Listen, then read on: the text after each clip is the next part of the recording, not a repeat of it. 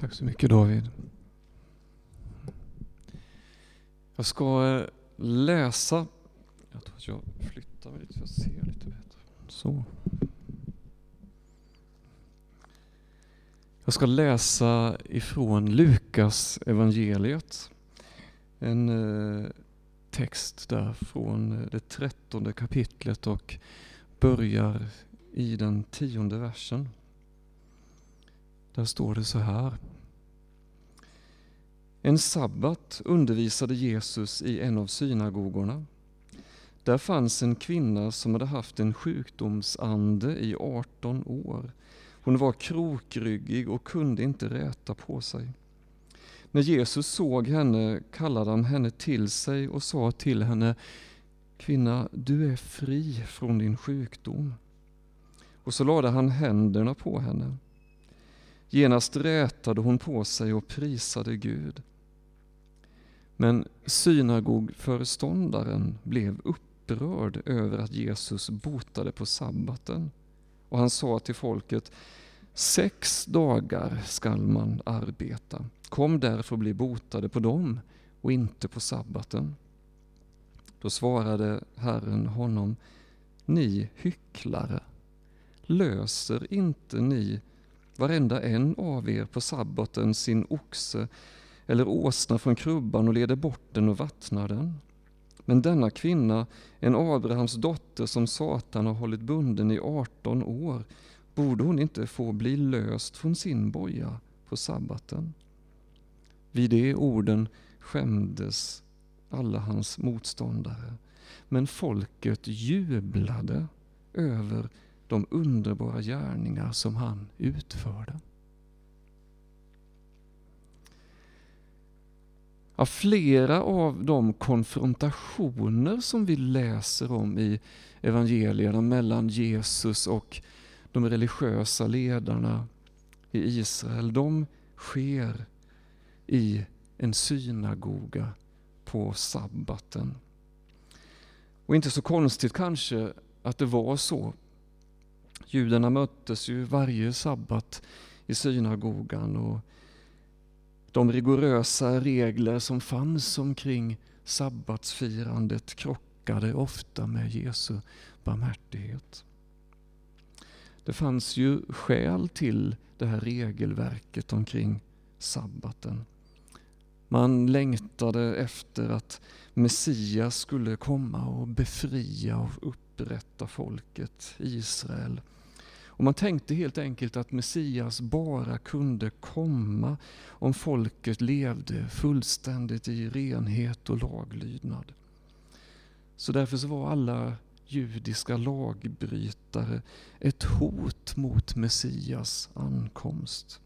Och Det var därför som alla tullindrivare och syndare, som den talas om ibland hos fariseerna, var ett sånt stort hot och sånt stort problem. Och sabbatsbudet var viktigt. Det var en av de, ett av de viktigaste buden och omgärdades därför med en massa olika föreskrifter för att ingen skulle riskera att på något sätt råka bryta mot sabbatsbudet. Och med den här bakgrunden så är det kanske inte så svårt att tänka sig in i konsekvenserna.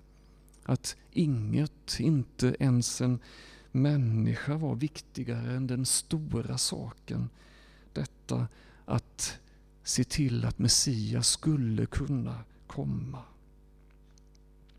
Men Jesus har uppenbarligen ett, ett helt annat synsätt på sabbaten.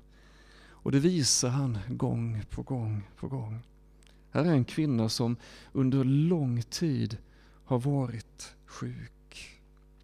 Har varit bunden i sjukdom, en sjukdom som brutit ner hennes kropp ordentligt. Kroppen har tryckts ihop med demonisk aktivitet inblandad. Hon kunde inte räta på sig längre.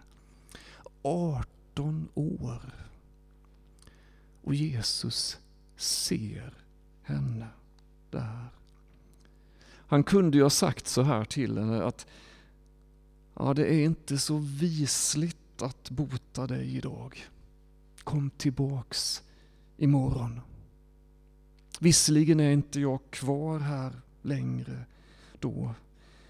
Och det är ingen samling här heller, men så är det i alla fall.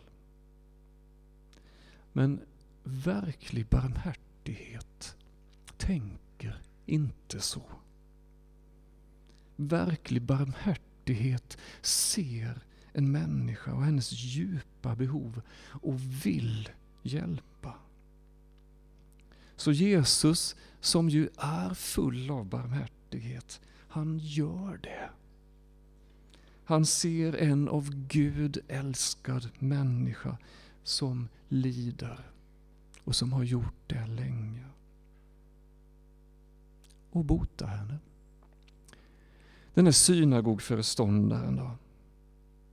Jag har ibland undrat över hur det kan vara möjligt att han är så blind. Ett fantastiskt under sker mitt framför ögonen på honom. Och han påpekar lite surt att vill man bli botad så får man komma en annan dag.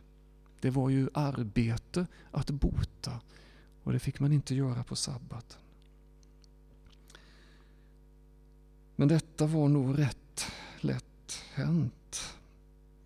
Har man under lång tid av goda teologiska skäl som man tyckte man hade byggt upp och då byggt upp en slags trygghet runt en slags yttre form och en struktur, då ändrar man inte på den i första taget.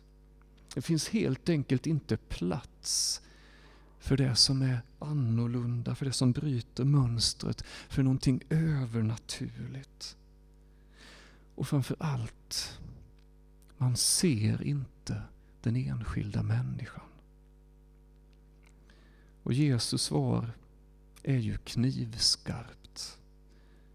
Och på något sätt frilägger de här närvarande religiösa, religiösa ledarnas inre. Det som var väldigt upptaget med det som hände i det offentliga. Men hur är det när ingen ser dem? När de inte sitter i synagogan eller står på torget? Är det till exempel inte så säger Jesus att de helt självklart löser sina husdjur och leder bort dem till vattenbrunnen även på en sabbat, trots att det faktiskt kunde räknas som arbete. Och här är en av Gud älskad människa som varit bunden i 18 år. Kan inte hon få bli löst från sin boja?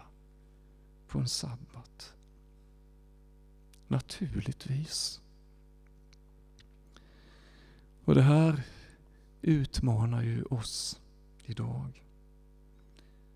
Att göra som Jesus.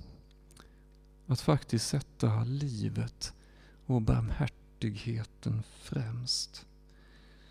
Att leva genuint, vare sig någon ser det eller inte. Och att vi lär oss att se de människor som vi har runt omkring oss. För det finns någon som redan gör det. Amen.